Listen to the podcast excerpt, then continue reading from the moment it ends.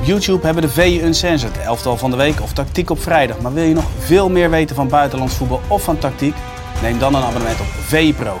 Toch Soleiman? Dit is het elftal van de week. Als dat je met je vriendin op de bank Notting Hill zit te kijken. Net Inspector Gadget, hè? Ik heb uh, afgelopen weekend over voorassist gedroomd. Onnavolgbaar. Hij is weer ouderwets een absoluut statistieke monster. Dat is gewoon mooi. Het is zo'n romcom. Van Suleiman en Jarno. Ja, het is dinsdag en dus tijd voor het elftal van de week. We zijn er een aantal weken niet geweest. Nou, mede vanwege Interlands en de bijzondere vakantie van Suleiman Usturk. Suleiman, jij hebt een uitstekend weekend gehad, heb ik valt, begrepen. Mee, uh, valt wel mee. Ik, heb, uh, ben, ik ben een paar dagen weg geweest, maar dan is het meteen paniek, hè? Dan nou, is er een uitzending. Op maandag en dinsdag geen Suleiman Usturk. Dat is wel even Ja, dat wennen. is paniek? Dat is wennen. Nee, ja, geen is... paniek, dat is wennen. Dat is wennen, oké. Okay. Ja. Maar goed, gelukkig hebben we weer heel veel voetbal gekeken. Interland voetbal. we hebben veel talenten aan het werk gezien. Een mooi elftal, ja. Laten we Nou, maar even zien. Dit is het elftal. Nou ja, kijk. Oh ja, we gaan meteen kijken. Ja, je toch uh, warm van?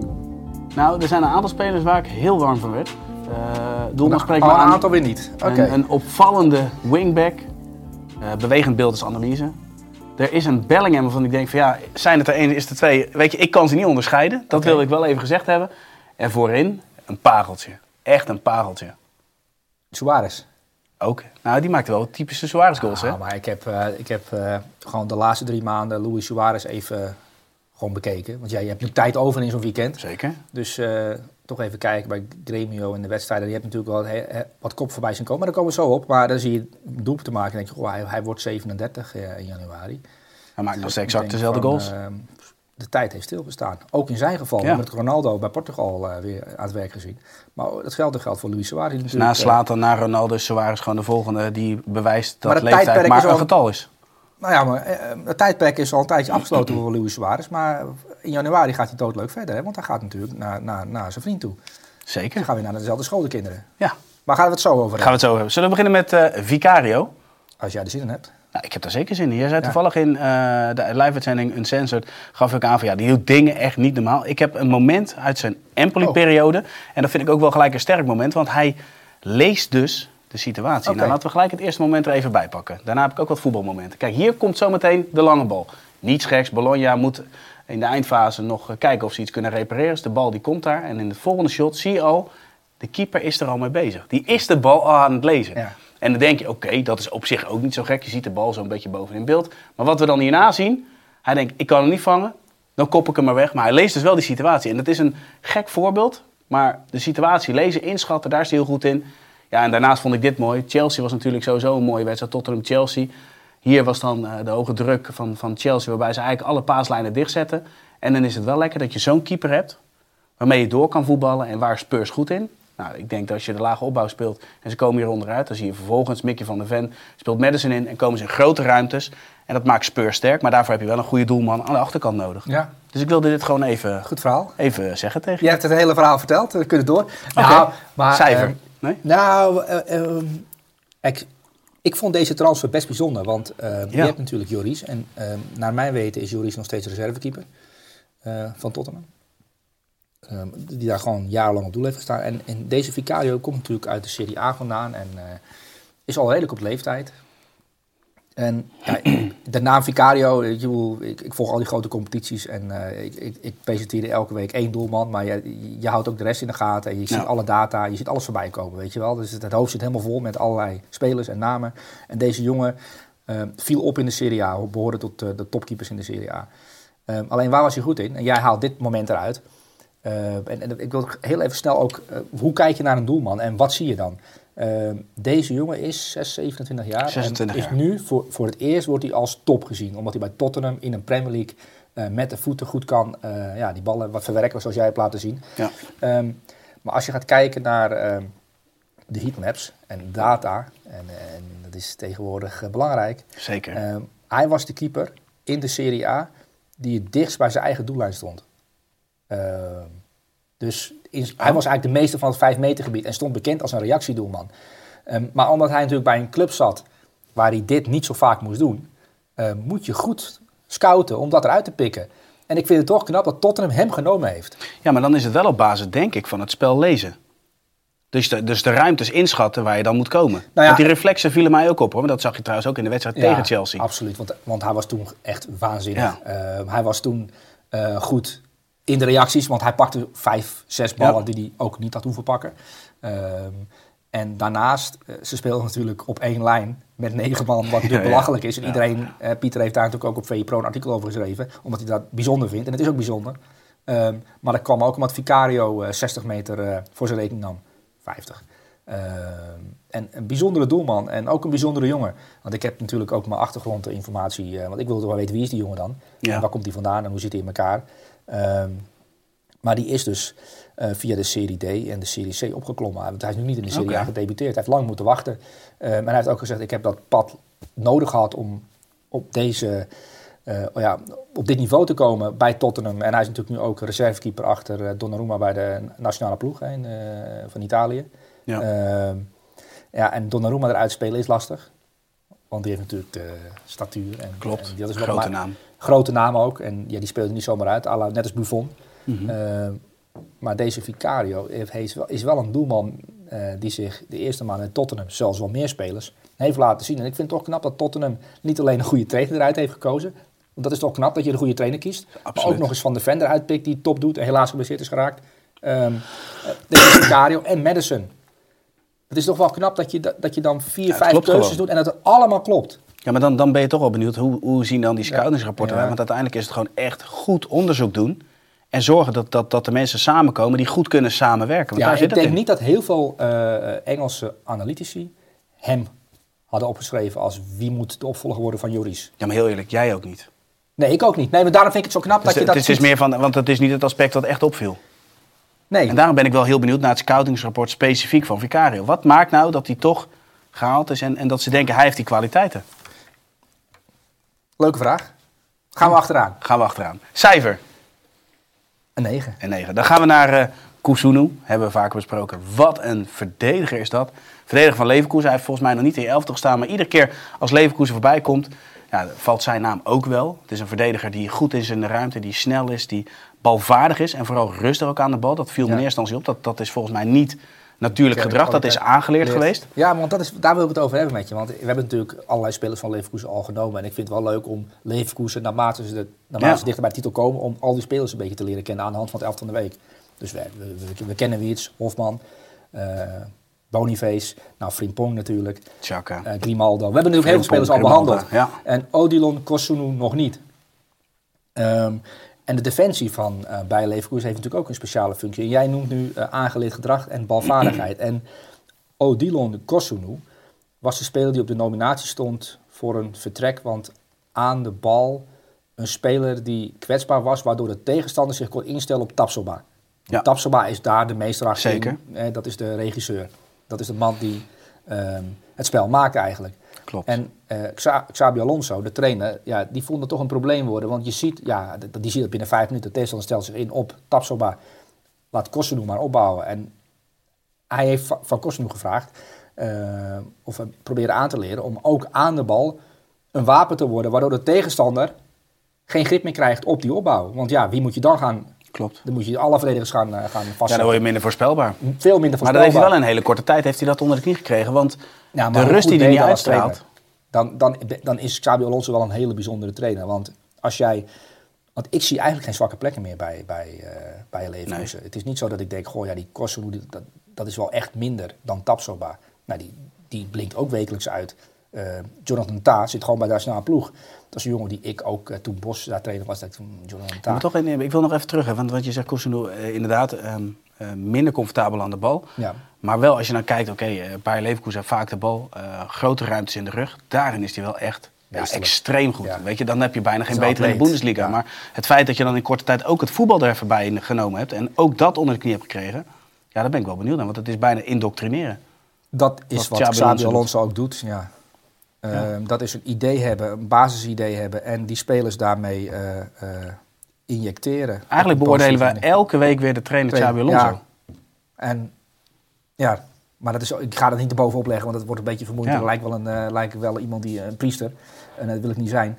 Maar je ziet gewoon aan bepaalde elftallen dat, er dat er kwaliteit op de bank zit. En dan heb ik het over de trainer. Dat je denkt, goh, dit, dit is, zit echt heel goed in elkaar. Ik zou Leverkusen wel een keer live aan het werk willen zien, jij? Ehm, ik zou bij Leverkusen wel graag live aan het werk willen zien. En dit jaar nog. Ja, ik zou dat ook. Ik zou er zo de bus in voor stappen. zou- zit jij ergens naartoe te werken? Nee, jij? Eh, nou, ik heb gisteren iets te horen gekregen. En eh, eh, ehm, ehm, eh, er is mij verteld dat, dat wij. er een grote kans aanwezig is dat wij. Ik, ik weet niet of het met jou is, maar is dat met jou? Ik Dat zou ik wel leuk wij- vinden. Nou, ik zou dat best wel leuk vinden om, om naast jou in de bus te zitten en, en, en, en met jou te verheugen op, op, Bayer Leverkusen. En dat we dan, eh, weet je, met de handen wrijvend in die bus zitten en dat we, en dat we lekker... Wat gaan we dan op de heenweg doen? Gaan we dan samen een serie kijken of gaan we kaarten? Of, eh, we Nou, gaan niet voor- praten met elkaar, toch? Ja, ook praten Ook met praten? elkaar. Maar eh, Maar dat een, doen we daarna. een ouderwets kaartspelletje, dat, mag jij, dat, dat vind ik wel leuk. Nou, sixpack bier natuurlijk, zakken chips. Ik weet niet of jij daarvan houdt, maar ja, en dan gaan we gewoon plezier hebben. En ik hoop dat ze voor ons ook een mooi plekje hebben. Dat, First class in de bus. Dat lijkt me wel. Dat lijkt me wel. Maar tot terug gaan we nabespreken. Gaan we het ook nabespreken, ja. Want dan wil ik elke looplijn eh, in ieder geval eventjes met jou doorgenomen hebben. Ik Nou, kijk ik er wel echt naar, want ik vind het wel het meest... eh, kijk, Brighton zou ik live willen zien.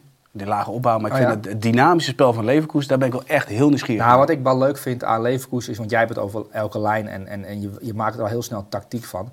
Eh, maar er zit ook een grote mate van vrijheid in het spel van Florian Weerts en Boniface en Hofman. Maar, Ja. en, en ook Frimpong natuurlijk.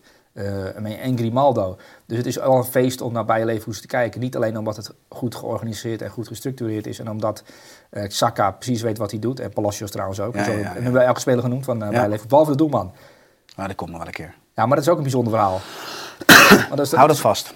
Kun ja, maar dat gaan we een andere keer. Maar ehm, ehm, ja, dus het is, het is niet alleen tactiek. Het is ook eh Boniface die binnen die organisatie soms dingen doet dat je denkt, jeetje, Mina, dat verwacht je toch niet van Ja. zo'n type spits. Bijzonder. Klopt, Gewoon, ach, het is gewoon leuk om naar te kijken en eh, die combinatie maakt het, eh, maakt het goed, goed georganiseerd en een feest om naar te kijken. Ja, voordat we naar cijfer gaan, eh, maken we even een, een, een bruggetje naar de volgende speler.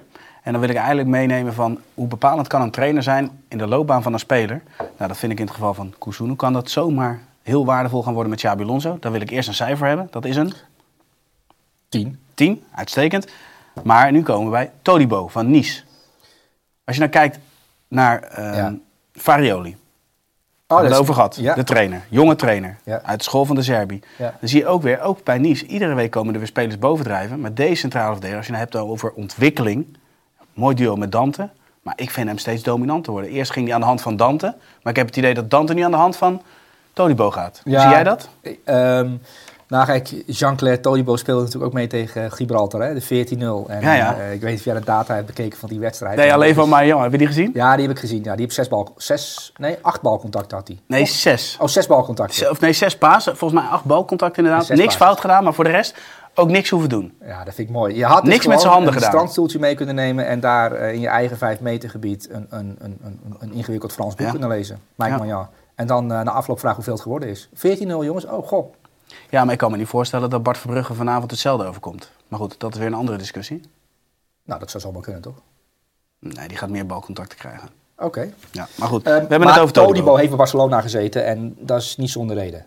Ehm, omdat hij natuurlijk een, een, een, een kwaliteit heeft, dat is die passing. Hij is aan de bal geweldig. En dat is zijn grote talent als verdediger, dat hij ja, eh, in de opbouw eh, lef heeft. Ja. Ehm, en het hangt een beetje vanaf hoe de tegenstander eh, zich gedraagt. En of ze hoog druk zetten of laag druk zetten. Of ze een laag blok hebben of een hoog blok hebben.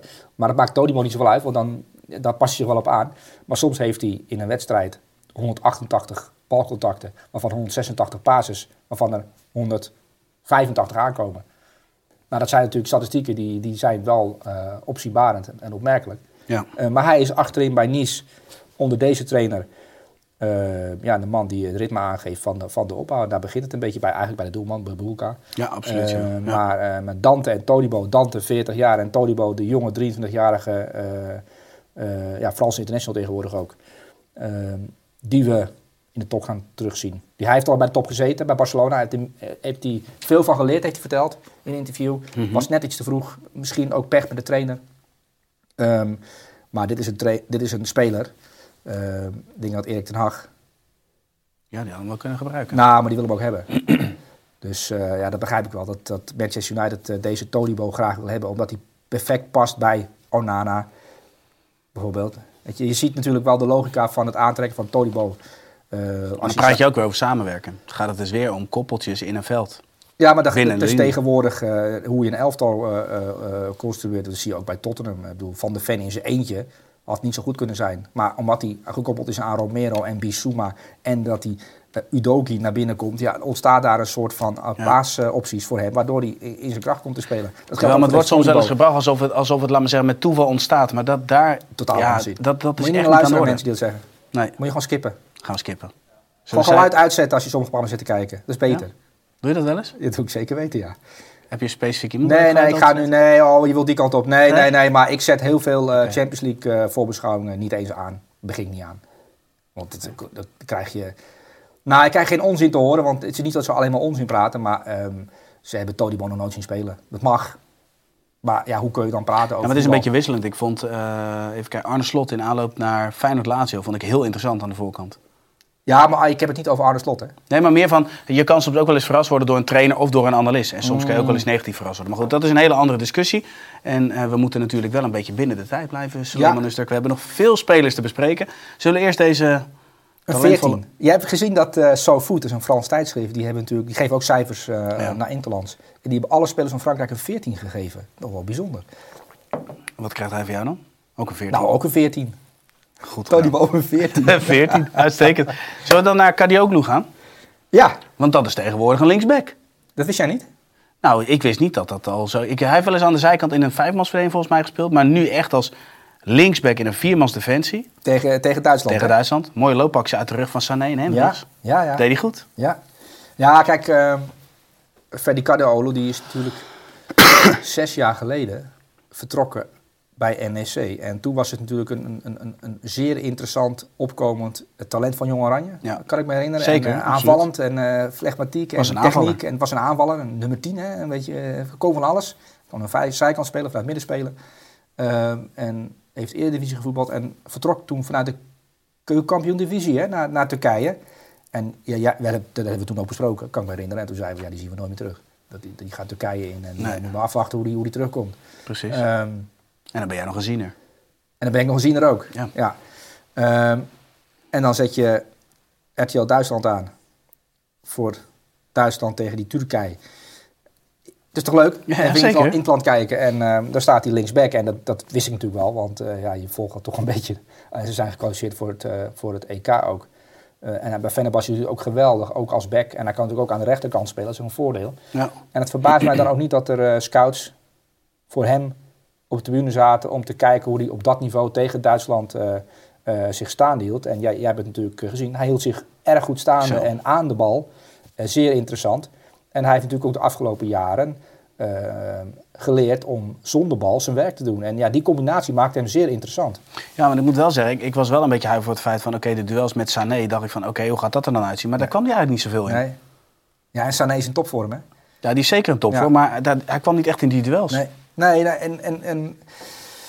Kijk, Turkije is geen EK-favoriet. Hè? Want er zijn een aantal mensen die na zijn, na zijn overwinning eh, eh, eh, mij DM'en en zeggen van... gra- graag een analyse over, over Turkije-Duitsland. Want Turkije dat is een, dat is een dark horse voor, voor het EK.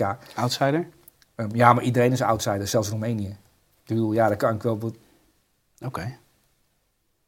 Nee, ja, jammer. Alleen Nederland niet. Alleen Dat is geen Nederland. outsider. Nee, dat zijn geen outsiders. Oké. Eh Kadioglu, cijfer. Want we moeten naar het middenveld. Eh Ferdi Cardiolo voor de wedstrijd tegen Duitsland, eh, waarin hij toch internationaal wel eh, heeft laten zien dat hij, dat hij interessant is. En uh. Fenerbahce gaat veel geld vragen voor hem. Ik denk boven de 20 miljoen euro. Ehm, dus er zal een flinke bieding eh, gedaan moeten worden. En die jongen moet er nog zin in hebben, in de Premier League bijvoorbeeld. Ehm, maar ik zeg een 9. Een 9. Mooi. Dan gaan we naar En het ook midden. leuk, hè? voor hen stond die jongen van Juventus. Kenan. Ja, ja. Yildiz is ook een hele jonge jongen, die maakte een geweldige goal, hè, die, die binnenschoot. Ja. Eh, ook een, een, een, een interessante, had ook voor Duitsland kunnen uitkomen. ja, maar daarom zeg ik, het is toch een interessant elftal Turkije? Het is echt een leuke elftal om naar te kijken. Ja, zeker weten. Er zit, zit veel voetbal in. En ze hebben natuurlijk Montella nu. Ja, maar Als, daarom eh, zeg ik veel outsider. Outsider. Oké, Outsider. Turkije is een outsider, heb jij gezegd. Precies. Eh, dan gaan we naar een talent van Juventus. Die ken ik nog niet, eerlijk gezegd. Soule. Stond, ja, die wilde eh, Feyenoord heel graag hebben. hè? Eh, oh, echt een mooi speler, man. ja. Spelmaker op de flank. Ja, een linkspoot. Hè. En, eh, aan, aan- bij, en Frosinone, dat, dat is er sowieso. De nummer 12 in Italië. Nummer 12 in Italië, ja. knap. maar, maar Frosinone, ja, dat is niet echt een Serie A ploeg. Maar die hebben Nee. een aantal leuke jonge spelers bij elkaar gepuzzeld. Eh, en er speelt ook een jongen met een haarband om. En die valt dan op. En, wie, en dan ga je toch denken, wie is dat? En dat is dan Reinier. En die naam zeg jou denk ik nog wel Zeker eens. wel, ja, ja, Dat ja. Real Madrid met heel veel uh, een speler eh, uit Brazilië haalde. Eh, de nieuwe KK. Ja, die- dat is dat nog niet helemaal uitgekomen. Hij is twee jaar verhuurd geweest aan Dortmund en hij speelt dan nu bij Frosinone. Dat is wel gek. Ehm, maar dat geldt ook voor deze Matthias Soule, die natuurlijk door Juve ehm, eh, is opgehaald en nu verhuurd is aan eh Frosinone. Maar die heeft wel een geweldig eh, paar weken achter de rug. Eerste seizoen zelfs sowieso eh, erg goed bezig in de Serie A bij deze club. En ja, ik heb genoteerd beste dribbelaar in de Serie A. Ja. Ehm, en ik denk dat ik wel redelijk in de buurt kom. Ik weet niet of ik qua data in de buurt kom. Maar als je hem ziet, hoe makkelijk hij passeert. En, Nou, wat hij vooral, hij heeft die bal, hij zoekt echt zijn tegenstander op ja. en vanaf daar gaat hij pasen. Maar Ja. het is wel eerst de tegenstander opzoeken. Ja. En ik begrijp wel waarom Feyenoord een poging heeft gedaan om hem naar de Eredivisie te halen voor die rechterkant. Want je ziet wel dat hij wel echt eh, enorme potentie heeft. En dat heeft Juve nu ook gezien. Want ehm, ja, hij heeft natuurlijk in zijn eerste jaar bij Juve al een aantal keer eh, mogen, mogen spelen. Kleine invalbeurtjes. Eh, hij komt ook uit die Next Gen elftal. Waar wel al- ook een aantal andere interessante talenten in zitten. Waar natuurlijk ook Dien Huizen eh, Ja, natuurlijk nu ja, ja. langzaamaan richting het eerste elftal bewegen is. En daar komt deze Matthias Soule ook vandaan. En Spalletti heeft gebeld hè, naar Matthias eh Soule een maand geleden. Want hij kan kiezen tussen Argentinië en Italië.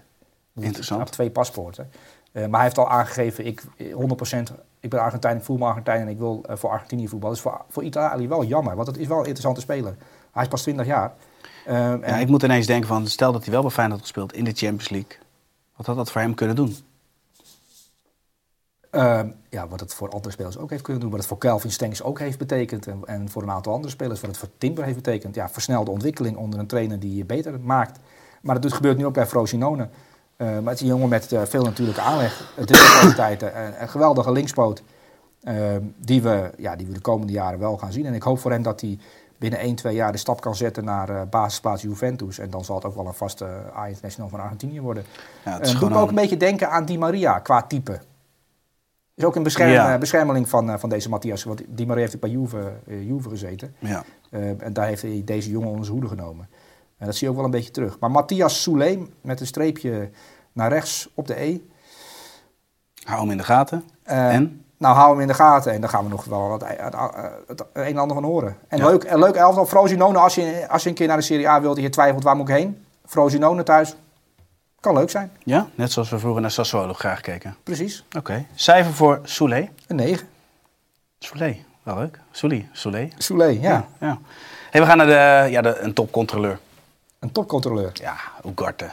Topcontroleur. Ik heb echt genoten van Argentinië-Uruguay. Ja. Zo. Maar goed, wij gaan het echt alleen over voetbal hebben. Oh. We gaan het toch niet over iets anders hebben met Ugarte, toch? Dat is... Nee, nee, eh, voetbal. Oké, gelukkig. Dit, Want ik zeg is- jou ge- gemaild puur voetbal. Ja, en echt dit is inhoud. voetbal. Absoluut. Vond ik de leukste, leukste wedstrijd die ik gezien heb dit afgelopen weekend. eh, Argentinië-Uruguay. Er zat, er zat wel dit in, hè? Ja, maar ook goed voetbal. Ja, ook goed voetbal. Want ja, het is meer van, als, als, je, als je dit zegt, weet je, dan denk je van, oké, harde duels, tackles. Tuurlijk, alles zat erin. Er zat heel veel sentiment, er zat, zat heet gebaardheid, alles klopte. Ja. Maar ook goed voetbal. ja, goed voetbal en snel voetbal en Ja. veel beweging en eh, doordraaien, doorbewegen. En eh, Me- Messi dekken. De zones waar hij Messi beweegt, Ja. afschermen. Ja, daar heb ik echt van genoten, van, van Ugarte. Maar ook Ben je het met me eens dat hij zichtbaarder was dan normaal gesproken bij Paris Saint-Germain? Messi of Ugarte? Ugarte? Eh, ja, hij, hij is wel wat zichtbaarder. Want ik vond, hij speelt ook ietsjes hoger, lijkt het wel. En, en, en, Ja. ehm, maar we, hebben, we zijn natuurlijk van Kante, eh N'Golo Kante hebben we natuurlijk jarenlang meegemaakt. En bij Kante had je soms het idee dat hij expres op een bepaalde afstand bleef staan om dan pas druk te zetten. Ja. Want die, die afstand, die, die 30 meter, die overbrug ik wel. En, Ja, maar ook om de pasen uit te nodigen, dat die dus ook Ja. gegeven wordt. en bij Ugarte zie je ook, ik wacht nog even met die sprint naar rechts, want die bal gaat zo gegeven worden. 1, 2, 3, boem, daar gaat hij. En hij heeft hem. En dat gebeurt een aantal keer deze wedstrijd. Het is wel echt een kwaliteit. Hij speelt nu met nummer 5.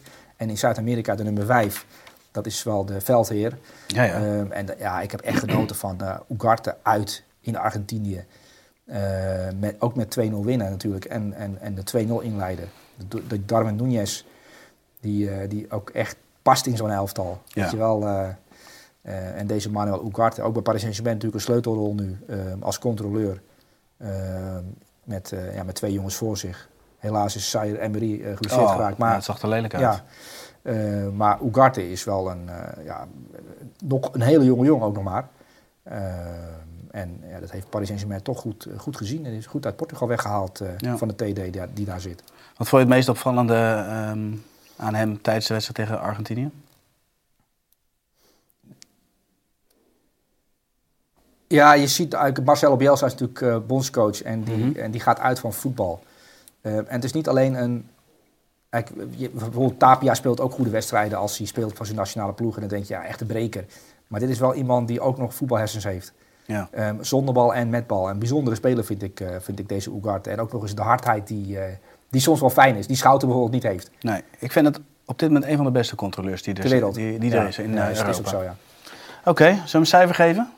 Maar jij hebt hem live gezien nog een keer bij zijn vorige club nog, hè? Ja, waanzinnig. Maar toen vond je hem al goed. Ja, dat vond ik hem zeker goed. Maar Toen- het is, het, is, ja, het is meer van wat me dus ehm, bij de Interland opviel. Van inderdaad dat hij veel meer aan de bal was. Dat hij, dat hij meer liet zien. En bij Paris Saint-Germain een beetje een, nou ja, in de schaduwrol. Zo noem ik hem maar.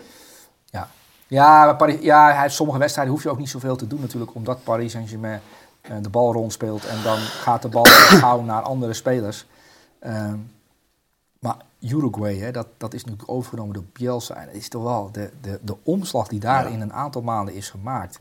De, keuzes die, de harde keuzes die gemaakt worden, ook door zo'n trainer. En dan zie je eh, dat spelers die daar opstaan, maar Valverde die daar meespeelt, maar Ugarte ook, Núñez, eh, eh, echt De La Cruz, eh, echt een Araujo. Zal Pieter er binnenkort weer een stuk over maken? Nou, ik denk dat eh, Pieter wel even, als hij eh, tijd over heeft, eh, de, Uruguay eens een keer moeten bekijken. Dat is sowieso. Even, even los van. eh, eh, we maken het nu grappig, want wij weten dat Pieter gewoon een enorme fan is van Bielsa. Maar als Nou, je nou dit dat- soort items, Ja? als je nou hebt eh, specifiek eh, weet je, een, een nieuw, zoals nou ja, de, de bondscoach van Brazilië, nu van Uruguay, dan moet je eigenlijk wel VE Pro hebben om die stukken te lezen. Waarin Pieter of Sam of jij vanuit de column echt wel de diepte in gaat. ja, maar ik weet bijvoorbeeld dat Pieter is... Ja, wij hebben het natuurlijk elke week over Bayer Leverkusen, maar die is ook bezig met de speelwijze van Bayer Leverkusen. En, en als ik me niet vergis, eh één deze dagen, misschien over een paar dagen, eh, heeft hij een eh, long read, tactische long read over, eh over Bayer Leverkusen. Super interessant Hij schijnt het niet eens wedstrijden te kijken. Hij schijnt elke aflevering van het elftal van de week te analyseren. En op basis daarvan maakt hij een analyse op VE Pro. Heb ik begrepen. Dat Jij zou- niet? Ja, dat zou kunnen. Hij zou ermee weg kunnen Nee, komen, ja, toch? nee, ja, dat zou kunnen, Ja. ja. Ik bedoel, ja, wij nemen heel veel werk uit handen van mensen die opletten. Ehm, Nee, maar, Maar- Pieter is wel eens daar, die kijkt echt veel wedstrijden dan. Als, als eh, PSV in de voorronde tegen een Oost- Oostenrijkse club speelt en eh, je komt hier op maandagochtend binnenvallen eh, en dan zie je hem met een gebogen rug over zijn laptop heen gebogen en dan zit hij gewoon eh, vijf wedstrijden terug te kijken van Austria Wien. Ja. Nou, Met plezier ook, hè? en nou, ik, heeft hij daar plezier in, denk je? Oh jawel, altijd wel een soort van, van ingetogen blijdschap. Ja, je ziet hem, ja, hij is nooit zagrijnig. Nee. Pieter is een van de weinige mensen, want ik kom jou wel eens tegen, is bloedzagrijnig. Nee, dat is niet waar. Oh, is niet waar. Focus. Oh, voor gefocust. Dat is Nou, anders. maar, maar Pieter is nooit zo gereinigd. Die, die doet het. Maar ja, naar Uruguay kijken, dat is gewoon leuk. Ja, absoluut. Ook, ook omdat je eh, ja, de, de passie waarmee wordt gevoetbald, in combinatie met goed voetbal. Eh, en Bielsa die op zijn... eh, Zou ook wel een keer live moeten kijken. Zou VE Treffer dat ook kunnen regelen? Ah, maar ik zou heel graag een keer een jaar gewoon in Zuid-Amerika willen zitten. Want ik heb eh, ook eh, voor, voor deze aflevering veel Braziliaans voetbal zitten bekijken. Ja. Ik vind dat toch genieten. En ik zat op de redactie gistermiddag uh, de hele middag Braziliaans voetbal te kijken. Braziliaanse Serie A. En Ja. daar komen we later op. Maar ehm, ja, daar word ik toch een stuk blijer van. En en opgewondener van dan, dan van de Eredivisiepotjes. Want je ziet, Ja. je ziet bijzondere spelers en bijzondere dingen. En je ziet ook emotie bij commentatoren. Die helemaal... Wij, wij vinden Koert Westerman eh, enthousiast. Bijvoorbeeld, Ja. om maar een commentator te noemen. Maar, Siert de Vos is de meest Zuid-Amerikaanse commentator die we hebben. maar Siet de Vos is vergeleken bij een Zuid-Amerikaanse commentator... Tot, dood vogeltje. Nou, een dode vogel. Ja, inderdaad. Ja. Een dode pier. Terwijl het is voor ons misschien wel de meest markante. Ja, bijzonder hè, dat, Ja. het verschil. Ja, ik ben trouwens ook fan van David Tent. Dat we hebben we vorige keer gezegd. Dat eh, Ja. wil ik nogmaals gezegd hebben. Passie, passie. Cijfer voor Ugarte. Eh, een tien. Een 10. Hey, dan gaan we nu. Maar ik, ik ben een beetje in, in verwarring. Want Ja, ik heb ik. Bellingham gezien. Maar het is zeker. eh, Het is geen tweeling, toch? Want we hebben het over Job Bellingham en niet over Jude Bellingham. Jude en Maar Joop. ja. Job lijkt heel erg op Jude. Of lijkt Jude op Job. Nou, Joop lijkt op Jude. Joe maar dit wordt een ingewikkeld gesprek voor de mensen. Want we moeten eerst uitleggen dat, nou, voor de mensen die het niet weten, dat Jude Bellingham een broertje heeft. Die ook profvoetbal speelt. Ja, Ehm, met en- opvallende gelijkenissen. Nou, zeker de laatste eh, tijd. Eh, want ze ongeveer dezelfde positie bekleden. Ja. En ook dezelfde loopstijl hebben. En ook dezelfde bewegingen maken. En ook Dezelfde dezelfde, keuzes maken. dezelfde keuzes maken. En ook dezelfde techniek hebben. Ja. Dus het is nogal eh turen dat je denkt... Goh, waarom heeft Sunderland Jude Bellingham als gastspeler? Totdat je denkt, hé, maar dat is Jude Bellingham niet. Dat is zijn twee jaar jongere broertje. Ja. Ehm, En weet je, zou zomaar kunnen denken dat Real Madrid Bellingham verhuurd heeft, ja. dat zou kunnen, ja. Ja, dat maar zou dat is, niet, dat is dus niet zo. Zouden ze ook in de kroeg, laat maar zeggen, als ze, als ze laat maar zeggen, hij aan de linkerkant, aan de rechterkant, gewoon exact hetzelfde drankje bestellen, op de juiste manier het drankje meenemen, dezelfde blik de, Ja. de kroeg in, dezelfde vrouw signaleren. Dat ze in alles hetzelfde Ja. zijn. Nou, maar je, je weet dat Noah Ohio van eh, Jong Oranje, dat is een van de beste vriend. vrienden van, eh, van Jude en Job. En ik zag eh, twee dagen geleden, ik denk op Instagram, een foto van Noah en Jude en Job. En die waren uit of die waren ergens naartoe. Ehm, en dan zie je wel het verschil tussen Jude en Job. Ehm, ja, je, je haalt ze er wel, je, je haalt het er wel uit wie wie is. Ja. Eh, maar als jij, ehm, zoals wij gedaan hebben, beelden van Sunderland bekijkt of van Engeland onder 19, Ja. de laatste weken, de wedstrijden die hij heeft gespeeld. En ik word wel nieuwsgierig hoe ver hij st- staat, want hij is natuurlijk ook een jongen die net als eh, eh, Jude Bellingham op iets oudere leeftijd ook bij Birmingham is doorgebroken. En hij heeft natuurlijk afgelopen zomer een transfer gemaakt naar, naar Sunderland. En hij doet het nu zo goed bij, bij Sunderland in de Ik heb de Championship. beelden gezien, Dortmund moet bellen. Nou, maar Dortmund moet bellen. Maar de, eh, Tottenham is bijvoorbeeld nu ook al bezig met... Hey, kunnen wij deze Joe Bellingham niet eh, toevoegen aan eh, onze ploeg? Omdat Postwolle houdt van dit soort spelers. Jongens die, die, ja, die zijn opgevoed door een, een politieagent. Een geweldige vader, denk ik. Mhm. Ehm, en die ja, gewoon een voorsprong hebben qua leeftijd. Zouden ze samen kunnen spelen? Jude en Joop. Ja?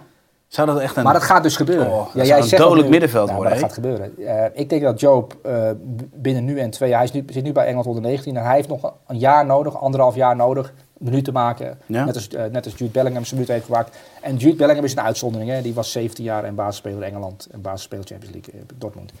Ehm, over Joop is altijd gezegd dat hij een andere weg nodig heeft en een langere weg nodig heeft. En dat is ook wel zo gebleken, want eh, hij is nu 18 Mhm. en nog geen basisspeler van, van Engeland. En dat was Jude op zijn 17 al.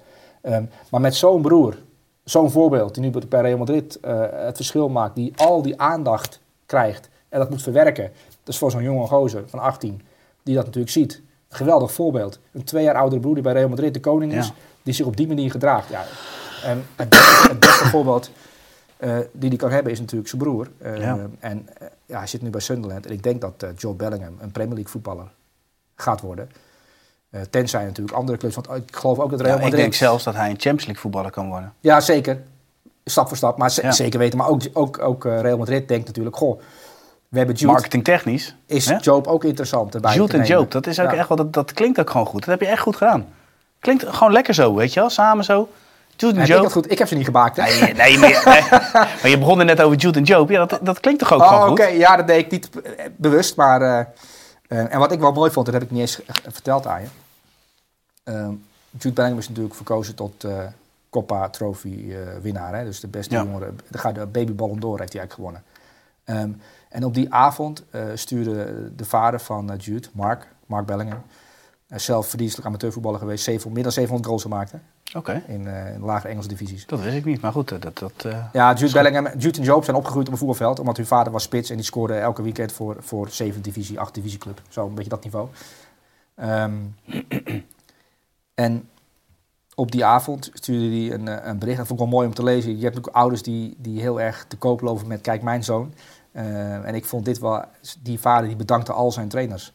Eh, van de afgelopen jaren. Want zonder die trainers en zonder al die minuten die, heeft, die zij in hem hebben geïnvesteerd, was dit niet mogelijk. Een bescheidenheid. Dat vond ik mooi om te, mooi om te zien. Ja. En dat denk ik, hey, vooral, zij hebben vooral een go- een goede, goede vader. Dat is het belangrijkste. Want je kunt... een goede zo- opvoeding en nederig blijven. nou, vooral een goede opvoeding. En, ehm, en, en, en ondanks dat jij bij Real Madrid een ster bent, om je heen kunnen blijven kijken en het kunnen relativeren. En natuurlijk is dat lastig. Ja. En, en, en, en Jude Bellingham weet ook wel dat hij bijzonder is. Ehm, maar met zo'n vader heb je wel een kleine voorsprong als je die, die, die wereld ingaat. De voetbalwereld is toch een beetje de jungle waar je... eh, ja, we hebben natuurlijk de documentaire van Bellingham Of van, van Beckham gezien. Ja, Het is nogal een wilde wereld waar je in terecht komt. zeker. Zeker. Heb je dans al geoefend thuis? Welk dansje? Ben je nog steeds niet bij die aflevering? Je ik heb twee aflevering afleveringen gezien. Oh nee, dan moet je even, oké, nog even doorgaan en dan met eh, mevrouw Isturk gewoon een dansje doen. Dat Oké. verwacht ik ook op Instagram. Ik denk, wel Ja, dat jij, ja. ik denk wel dat jij in staat bent om het goed te imiteren. Het schijnt een beetje hot te zijn op, eh, op Instagram en zo. Oké. Ja, best wat nadoen. Ik heb geen idee wat het over hebt, maar ik ben heel, je maakt me nieuwsgierig. Precies, komt goed. Eh, cijfer voor Joop, Joop, een 9. een 9. Dan gaan we naar Joey Veerman. En weet je wat nou lekker is? Zet jij Ja, de engelbewaarder even aan? Ja, goed hè? Heel mooi hè? Ja, vind ik mooi, ja. Ja. De engelbewaarder. Een mooi nummer. Zeker, zeker. Ehm, we hebben natuurlijk nooit bewegend beeld. En we hebben nooit een speler uit de Eredivisie. Nee. Maar ik denk, ja, we hebben nou een Nederlander. Jij zei gisteren zelfs de beste passer. Oh nee, hij is geboren Oh, ja. in Purmerend, maar ik noem hem gewoon een Volendammer. Oeh, ik weet niet of dat... eh, ben je dan een jas? Als je Purmerend Volendam? Ja, daar ben je, Jas. Dan ben je een jas, hè? Oké. Maar is hij... eh, jij, jij noemde hem de beste passer van Europa. Dat heb ik gezegd, ja. Dat heb je gezegd. Zullen we dan even kijken of dat daadwerkelijk zo is? Ik heb een paar passes eruit gehaald. Ik denk, ik ga toch eens kijken. Hier zien we de situatie. Let op. Kijk, bewegend beeld. Lekker zeg. Komt hij aan. Hij heeft even gekeken. Lange bal. Hop. Uitstekend. Dus lange paas. Dit is Enzo Ruimte. Fernandes, hè? Niveau. Zeker. Dit vond ik mooi. Hij kijkt heel kort maar. Dus het kijkgedrag van Veerman is echt top. Kijkt heel kort maar. Aanname. Hup. Tussendoor. Ja, dit vind ik ook mooi. Tussen drie man in. Ja. Mooi moment. Kwaliteit. Ja, maar dit is... Dit is, dit is echt een mooie paas, hè? Ja. Veel gevoel. Hup. Weggestoken. En nog een voorzetje. Ja, voorzetje, dit is, nog, dit is wel... Aardig. Maar ik vond dat balletje op, Nou, maar dit is- eh, dit is- des te mooiste. Het is wel bekeken. Ook deze voorzet zit op wel gedachte achter. Dat je hem bewust wat lager houdt. Maar geweldige trap. Zoekte altijd de ruimtes op het veld om aan de bal te komen. Maar, maar ik vond dat moment met Dest. Dus dat hij buiten dat echt ja, met gevoel zo weggespeeld. Dat vond ik het mooiste. Ja. je ziet dat hij ehm, allerlei hoeken kan maken. Eh, vanuit stilstand bijna. Ehm, en dat hij die beweging ook ziet van Ja. vier, vijf mensen voor hem. En dat vind ik wel mooi om te zien. Ehm, en ik heb Joey Veerman eh, hier neergezet, want het ging natuurlijk afgelopen week ook, ook over Joey Veerman. En dan gaat het altijd over dezelfde dingen, over zijn kwetsbaarheid in zijn rug. Ehm, en hij heeft er zelf wat over gezegd, maar ik kwam een statistiek, eh, die kan voorbij. Ehm, dat hij, in de- als je de zeven grootste competities van Europa op een, stapel, op een hoop gooit en je gaat dan, het, eh, dan de meest creatieve speler eh, eruit pikken, dan Mhm. blijkt Joey Veerman de meest creatieve Is voetballer. dat zo? Ja, die heeft de meeste kansen gecreëerd. En er zijn ook allerlei definities voor en je kunt allerlei definities gebruiken. Ehm, maar het komt er nu op neer dat hij op basis van de eerste drie, vier maanden ehm, in de grote zeven competities, dus, dus, dat is dus de Premier League, de, dat is de Bundesliga, dat is de Eredivisie meegenomen. Dat zijn dan gewoon de grootste competities, plus de Eredivisie. Dat Joey Veerman daarin ehm, ja, de man is die, die, die met die passing. Maar gaat het dan gevaar directe passing of indirecte Het gaat ook om indirecte passing. Oké. Het gaat dus ook om de paas op degene die de, die de assist verzorgt. precies. Dus, Ja. hij, dus hij is eh, eh, het- echt de creatieve motor van PSV. En als je hem weghaalt en, en Scho- Schout het spel gaat laten maken, dan zou je zien dat er een enorm verschil is. Ehm, en ik denk dat... Ehm, ja, je, hebt, je spelers zoals wat Madison is voor Tottenham. Die nu weggevallen is. En nu ga je de komende weken zien dat Tottenham moeite gaat, meer Mhm. moeite gaat krijgen om, eh om tegen ons echt kapot te spelen. Omdat ze Madison niet hebben. Maar Joey Veerman is dat voor PSV. Dat is echt een sleutelspeler voor, eh, voor Peter Bos. Maar Veerman heeft wel schouten nodig. Ja, maar het- iedereen heeft elkaar nodig. Dat Precies. is Nee, maar dan, dan, kom je, dan gaat het weer om samenwerking. Je gaat weer om samenwerken. Maar ik vind dat Joey Veerman... eh, jij laat nu eh, een aantal dingen zien. Maar je- van welke voetballers kun je dit soort filmpjes maken? En ik denk dat bijvoorbeeld... eh, je hebt natuurlijk uh, bij Feyenoord gehad afgelopen jaar. Die speelt nu bij Benfica. Maar Joey Veerman kan toch ook prima op de plek van Kukçu... naast eh João, Neves. Dan heb je echt een perfect duo ook. Dus dit is zo'n speler... ehm, ja, die PSV toch ook wel ontgroeid is qua Ja, maar daar ben ik wel nieuwsgierig. Ik heb hier Spanje, Duitsland, Italië of Engeland. Wat zou jij doen? Want van Engeland wordt gezegd, Dat kan die, de, kan die die dynamiek aan? Dat wordt toch altijd gezegd? Champions League, ja, laat Ja. je dan zien. Ik vind, ik vind dat dus, dat is iets van 20 jaar geleden. Mhm. Ehm, die Maar discussie. het wordt wel gezegd. Ja, dat wordt wel gezegd, maar daarom zei ik soms moet je op mute eh, zetten. Ehm, want dat is heel erg afhankelijk van ehm, wie jouw trainer is. Want ook over Joel Veldman is gezegd, ja, is geen Premier League voetballer. Ja, maar het is wel een Brighton voetballer. Eh, JP van Hekken. Ehm, om maar een aantal spelers op te noemen die je denkt, ja, Premier League, Joe Veldman, Van Hekken. En zo kun je nog een aantal spelers opnoemen. Ja, Ehm, dan kom je dus eigenlijk op het volgende. Als er één iemand in Nederland fan is ehm, van Veerman, jij bent niet de enige fan, is het Arne Slot. Ben ik fan van Joey Veerman? Nou, jij vindt het een mooie speler. Dus je bent Ja, ik vind, een ik klein vind, beetje ik fan vind het een wel, bijzondere, bijzondere Ja. speler, omdat hij een bepaalde gave heeft die, die niet heel veel ziet. eh. Precies. Maar Ja. Arne Slot is overduidelijk fan van Joey Veerman. Ja. Steekt hij ook niet onder stoel of banken.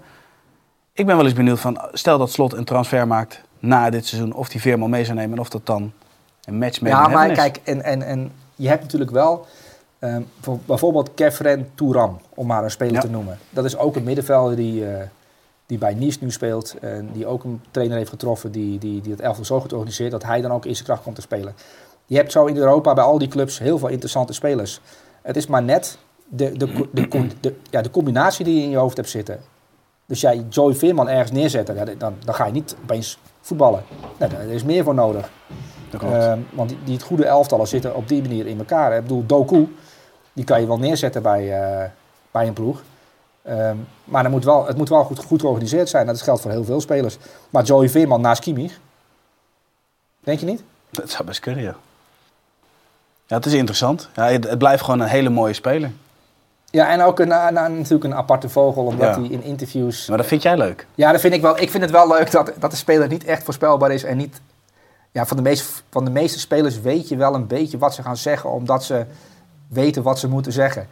Ehm, en ja, ik weet niet of dat in Volendam een beetje normaal is om te doen, maar die, die hebben wel een, eh, soms een plaat voor de kop en ja, die zeggen gewoon waar ze zin in hebben. Een soort natuurlijk tegendraads. eh, Tegendraadjes en dat vind ik Ja. op zich wel prettig, want eh, ja, ik denk dat als ik voetballer geweest zou zijn, dat ik op een gegeven moment ook denk, oh, daar heb je die Jarno voorbij. Da- die ga ik met een microfoon, nou bijvoorbeeld, zeg maar, juist nu aan tafel, en dan zou ik wel denken, oh, die ga ik even plagen. Ik ga een heel, heel paar gekke dingen zeggen, mag hij het weer le- leggen, Ja. gaan uitleggen in die programma's van hem? Dat doe je gelukkig nooit, hè? Over de uh, Volendam gesproken, heb je die docu gezien? Eh, je Dorp in de het Vissersdorp? Ja, heb ik eh, de- Echt delen top. van gezien, ja. Echt top. Oké, ja, jij raadt wel veel aan, aan deze tafel. Nee, maar serieus, ik vond het echt een, een leuke documentaire. Het was echt leuk Ja. om te zien. Ja. Dus dat wilde ik gewoon even gezegd hebben. Cijfer voor Joey Veerman, de beste paser van Europa volgens Suleiman Usturk. Dankjewel dat je mij allerlei dingen in de mond legt. Een 9. Een 9. Top, dan gaan we. eh, we hebben de beste dribbelaar van Europa gehad, maar hebben we nu de beste dribbelaar van Zuid-Amerika? En dat doe je op, Luis Suarez. Endrik. En Driekie. Endriki. Ehm, nou, eigenlijk het elftal is ook bedoeld om, om spelers te leren kennen en ehm, om dieper op in te gaan. Ehm, en Endrik heeft natuurlijk zijn debuut gemaakt voor Brazilië. En het is deze week een leuke wedstrijd, hè, Brazilië-Argentinië. Ja, ja. Dat is een, een clash in Maracana. En het is wel bijzonder dat deze 17-jarige jongen eh, van Palmeiras eh, erbij gehaald is door eh, Diniz, de bondscoach van Brazilië. Ehm, hij is natuurlijk al bij Real getekend. En dan is het wel interessant. Hij gaat ook over een half jaar naar Real Madrid toe. En dan is, dan is Mhm. hij eindelijk 18. Ehm, en dan kan hij mee gaan doen. En, en wat haalt Real Madrid binnen? En ik ben wel benieuwd naar jouw visie. Of, of, eh, want Nou, jij, wij waren het niet helemaal met elkaar eens. Ik moest denken aan de Nielsen. Ken je die nog van vroeger? ja, Dat vond ik ook echt een, een goede dribbelaar. Alleen die, die dribbelde een beetje om het dribbelen, dus om de Mhm. actie. En ik vind hem een hele directe dribbelaar. Dus hij staat graag aan de rechterkant. Altijd een beetje de schuine lijn richting de goal. Hoge snelheid. Vaak goed. Soms de controle kwijt. ja. Omdat het te snel gaat. Hoe zie jij dat? Ja, kijk, ik, eh, ik ben natuurlijk ook aan het kijken wat andere, wa- wat in Brazilië over hem wordt gezegd en, Mhm. en, en, en wat je zelf ziet. En wat, je, wat ik zie is inderdaad ongelofelijke snelheid richt, richting de goal. Ehm, maar hij wordt vergeleken met Adriano. Vanwege die, die, die, die woeste directheid die hij heeft. Adriano was ook iemand die Ja, in zijn ja. toptijd, hè, en je hebt het over Oh, de bij top Inter. Adriano bij Inter, Oh. was gewoon aannemen en, en, en, en gewoon dwars door je heen als het moest. Die heeft wel een andere afslag genomen trouwens. Maar daar kunnen we het straks Nou ja, maar die heeft natuurlijk psychische problemen en Ja. drankproblemen en, en, en misschien ook wel drugsproblemen en problemen met vrouwen. En, en, en ja, die komt natuurlijk uit een bepaald milieu ook. En daarom is het ook wel interessant om, om, om deze Endriki, zoals de Brazilianen hem noemen, althans de commentator noemt hem elke keer Endriki. Oké. Misschien is, misschien is het afgeleid van Hendrik, Ja. Endriki. Ehm, maar in interviews, eh, hij praat als een prof, hij leeft als een prof, hij heeft heel veel dingen al gebannen. En eh, weet je, dat Cristiano Ronaldo-achtige levensstijl voor een 17-jarige Braziliaan is wel bijzonder. Dan denk je, goh, hij heeft ook wel de ambitie om bij Real Madrid straks direct als doelpunt te maken op te staan op zijn 18-jarige leeftijd. En we hebben natuurlijk een aantal jonge Brazilianen meegemaakt de afgelopen 30 jaar. Voor Ronaldo bijvoorbeeld, die naar PSV ging en daarna naar Barcelona natuurlijk. Robinho. Robinho. Maar dat, Kijk. Robinho was natuurlijk iemand die dan op een gegeven moment een afslag nam en die hield van feesten en partijen. Ja. En ja, dat is het grote, de grote, het, het, groot- ja, het grote vraagteken. Maar Endriki is wel een speciaal, een speciaal geval. En dat zie je direct. Ja. Ik bedoel, als je op je zeventiende ehm de laatste weken, ik weet niet of je de goals gezien hebt van de laatste weken, maar hij maakte de ene na de andere geweldige goal. Ja, zeker. En uh, huilende mannen op de tribune, hè? omdat ze het grote wonder aanschouwen. Ja, wel zeggen dat, dat bij Palmares heeft hij wel een goede connectie met die Rafael. Ja. Dat vind ik echt een ja, goede speler. Een, eh, Oh. Ja, ja, ja. Is ook een interessante speler, zeker. Ja. Ja. maar daarom is de Braziliaanse Serie A best leuk om naar te kijken, omdat je dat soort talenten eh, voorbij ziet komen. Ehm, maar deze Endriki is een, eh, ja, is een speler waar, waar ik naar uitkijk voor komend jaar. Dan heb je Bellingham, Endriki, Vinicius. ehm, Arda Güler moet nog steeds laten zien wat hij kan. Misschien komt Joop er ook bij. Misschien komt Joop erbij. Ja, Alleen nog een Nederlander. Wiertz, Xabi Alonso. Ja, ja maar dat kan een feest worden. Hè? Oh, Frimpong gaat dan mee. Nou ja. Nou, dan heb je een top elftal. Zullen we wel in Brazilië blijven voordat jij Endriki een cijfer geeft? Die is goed. En dat cijfer is een? Eh Endriki een 9. Oké, dan gaan we nu naar Luis Suarez, Gremio. Ik heb de wedstrijd tegen Botafogo ook zitten kijken. Die drie goals, dat waren wel echt weer de typische Luis Suarez doelpunten. Ja. Ja, maar wat doe je daarmee? Dat, Nou, rommelen. ja. En vanuit rommelen gewoon de controle weer hebben. En Ja. gewoon dodelijk zijn in de 16. Hij, ja, hij, maakt natuurlijk, hij heeft altijd die goals gemaakt dat hij, dat hij de bal aanneemt en dan denkt, oh hij neemt hem verkeerd aan. En daarna controleert hij hem en daarna doet hij een gap en daarna schiet hij binnen. En hij heeft, die bal, hij heeft vier, vijf balcontacten nodig waarvan je denkt, die, van die vijf balcontacten waren de drie niet helemaal zoals hij misschien bedoeld Nee. had. Maar toch heeft hij de bal onder controle en toch maakt hij een goal. Ja. Nou, hij wordt 37, dus zoals ik al zei, eh, over twee maanden. Ehm, en ja, toen hij naar Gremio ging, dacht ik wel van jeetje, Mina, dat, dat- die is ver afgezakt. Ehm, maar dat maakt hij daar toch het verschil. Veel goals gemaakt, ook de laatste weken en maanden weer. En eh, 23 goals en 16 assists. ja, dat is toch bizar. Nog geen 50 wedstrijden. Ja, dat vind ik wel bijzonder. Eh, dat hij ook op dat niveau, en natuurlijk wel een lager niveau dan, dan de top van Europa. Ehm, maar dat zegt wel iets, want het is wel een voetballegende daar in Uruguay. Hè. Dat is gewoon een van de beste spelers, zo niet de beste speler die Uruguay ooit heeft voortgebracht. Francis Coley kan je ook noemen. Ja. Ehm, maar eh, hij is daar, Luis Suarez, als hij... je- de status van de pauze heeft hij daar ongeveer. Ik weet niet of je dat wel eens meegemaakt hebt of je dat eens gezien hebt. Nee. Als hij landt. Maar dan staan de mensen gewoon, en de vrouwen komen hun huis uit om daar eh, langs de kant te gaan staan en applaudisseren. Want Luis Suarez is een beetje zoals jij Kastrikum in komt rijden. Nou, ongeveer te vergelijken. Ongeveer, ja. Nou, ja. Maar hij heeft daar een status, dat is gewoon bijna niet te bedenken. Ja. Ehm, hij heeft natuurlijk ook een tijdje, we kunnen nog herinneren dat hij voor zijn lokale club ging spelen in Uruguay. In aanloop naar het WK, dat hij fit wilde Ja. blijven. Heeft hij daar natuurlijk ook gespeeld. Dat was elke week uitverkocht huis, omdat, omdat Luis Suarez hun voetbalgod... maar steekt hij er dan ook wel weer ver boven bijvoorbeeld Diego Forlan of, of Cavani? Steekt hij daar ver Ja, bovenuit? Ja, Ja, ja, ja. Dus- Ja, grotere carrière, maar meer van dat zijn ook gewoon legendes. ja, maar dit is wel nog een Next klasse, level. Ja. klasse erboven. En hij gaat, hij gaat natuurlijk een hoofdstuk toevoegen nog. To- toevoegen nog hè. Gaat natuurlijk eh, Amerika, de MLS in. Precies. Ehm, met, eh, met, met Busquets, met Alba, met, met, met Messi. Dat is toch wel ook een bijzonder verhaal. Hoe gaat het worden? Ja.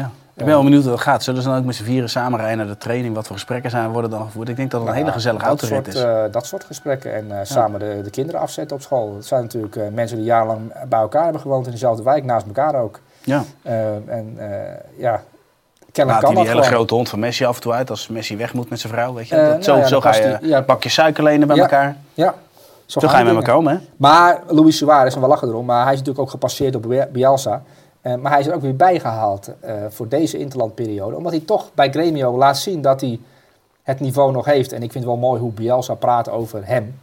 Want die realiseert zich dat hij te gast is in Uruguay. Dat hij daar als bondscoach de legendes moet eren. En hoe hij, nou, ik heb daar toen eh, een verhaal over gemaakt. En ik heb toen de quotes van Bielsa gewoon letterlijk opgeschreven zoals hij het gezegd heeft. Het mooie kan je, niet, kan je het eigenlijk niet zeggen. Ehm, maar ja, Luis Suarez, dat is wel waarom Uruguayse jongetjes over 20 jaar doorbreken. Omdat zij de nieuwe Luis Suarez willen worden. En dat ik vind wel mooi dat, dat Bielsa het voetbal zodanig respecteert dat hij hem eerst passeert. Maar als hij, als hij fit is en goals maakt, dat hij hem gewoon weer bijhaalt. En die rechtlijnigheid vind ik wel mooi om te zien. En dat is wel, Absoluut. vind ik ook, kleurt ook wel het Ja, vaak houden ze dan vast eraan. Hè? Ze hebben ze standpunt nou, je hebt, je hebt er trainers, en eh, ik ga geen namen noemen, maar je hebt van die trainers die, die, die, die, die willen dan de harde trainer eh, eh, spelen. Die passeren een jongen en die laten, laten hem dan een jaar lang zwemmen. En dan denk ik van ja, dat gaat, dat gaat nergens over. Als je liefde voor voetbal hebt en, en, je hebt, en voor Uruguay, dan, dan neem je er gewoon bij op basis van de afgelopen maand. Bij. Gremio. Wat krijgt hij? Een 9 of een 10? Een 10. Een 10. Zullen we dan naar de laatste aanvaller gaan? Want dat is wel... Ja, weet je, vier doelpunten tegen Azerbeidzjan. Ik heb ze gezien hoor. Typische Lukaku goals. Ja. Maar toch, ja, ik zit hier te kijken. 113 interlands. 83 doelpunten. Ja. En echt een... Wat, ik vind dit ook... dit is ook zo'n jongen die... die, die ja, hij komt natuurlijk af en toe met interviews in de media waarvan je denkt... Oké, eh, eh, Nederland heeft Wout Weghorst en België heeft Romelu Lukaku. Die voelt zich soms een beetje miskend. En er is natuurlijk eh, ook in Italië veel over hem gezegd en geschreven. De Inter-episode. Hè, dat hij daar vertrokken Mhm. is. En hij, is natuurlijk, hij heeft voor Mourinho gekozen, voor, voor AS Roma. En eh kijk zijn goals bij AS Roma maar op na dit jaar. Is gewoon sterk. Ja. Ehm, en heeft zich vorige week in een interview, eh, nou vergeleken niet, want hij zegt ik ben LeBron James niet, maar eh, als ik val dan, dan moet ik ook weer opstaan. En ja, de feiten spreken voor zich, ja, vier goals maken, dat is natuurlijk lekker. Ehm, maar is wel een bijzondere speler met een bijzondere carrière, natuurlijk op zijn zestiende het eerste van Anderlecht en ook bij de nationale ploeg van België. Nou, jij noemde net die aantallen, dat is natuurlijk wel veel. Hij is pas 30.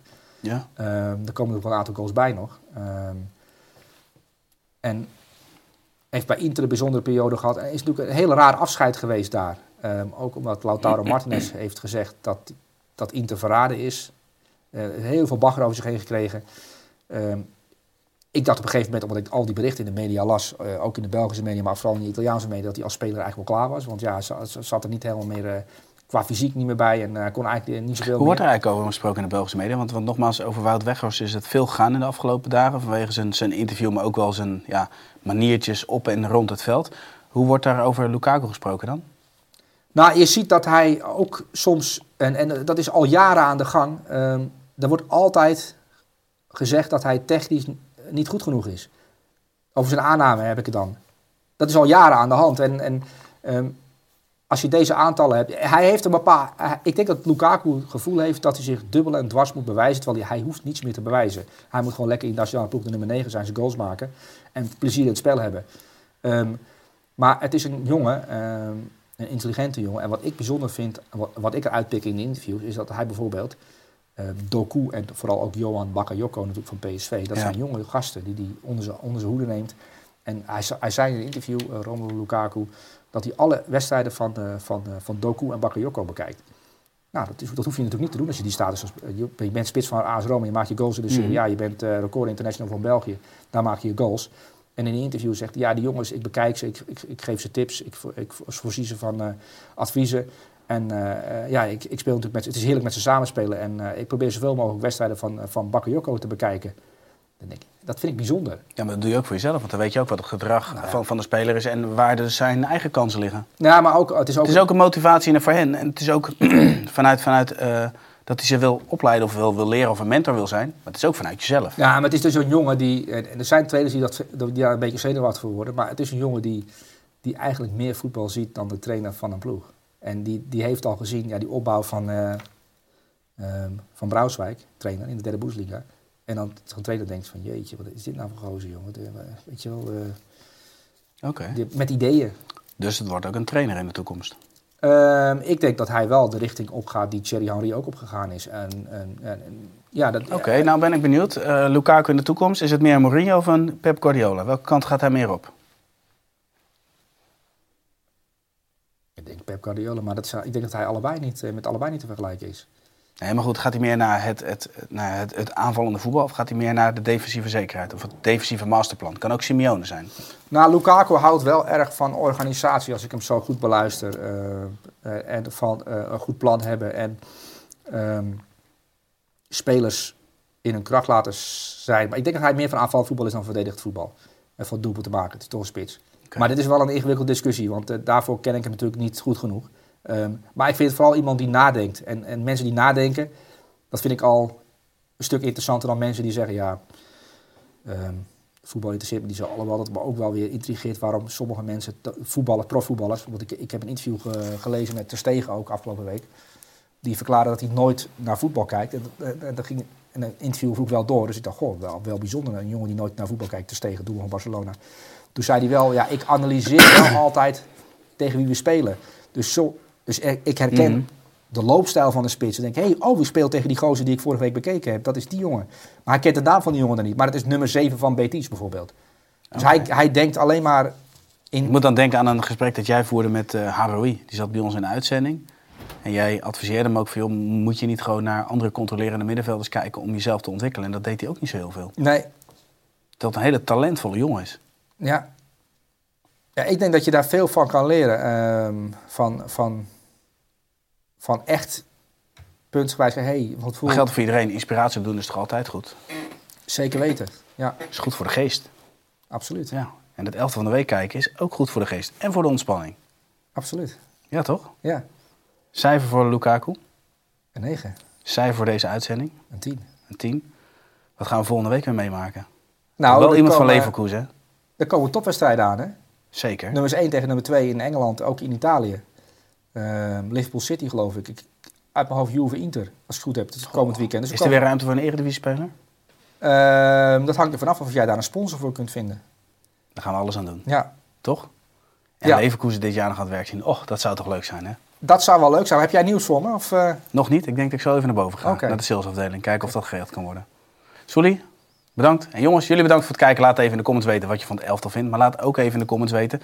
Is er eventueel nog behoefte aan een speler uit de Eredivisie wekelijks? Dus één plek die we kunnen vergeven aan een speler in de Eredivisie. We vragen het aan jullie. Laat het even weten. Bedankt voor het kijken of voor het luisteren. En tot de volgende. Doei!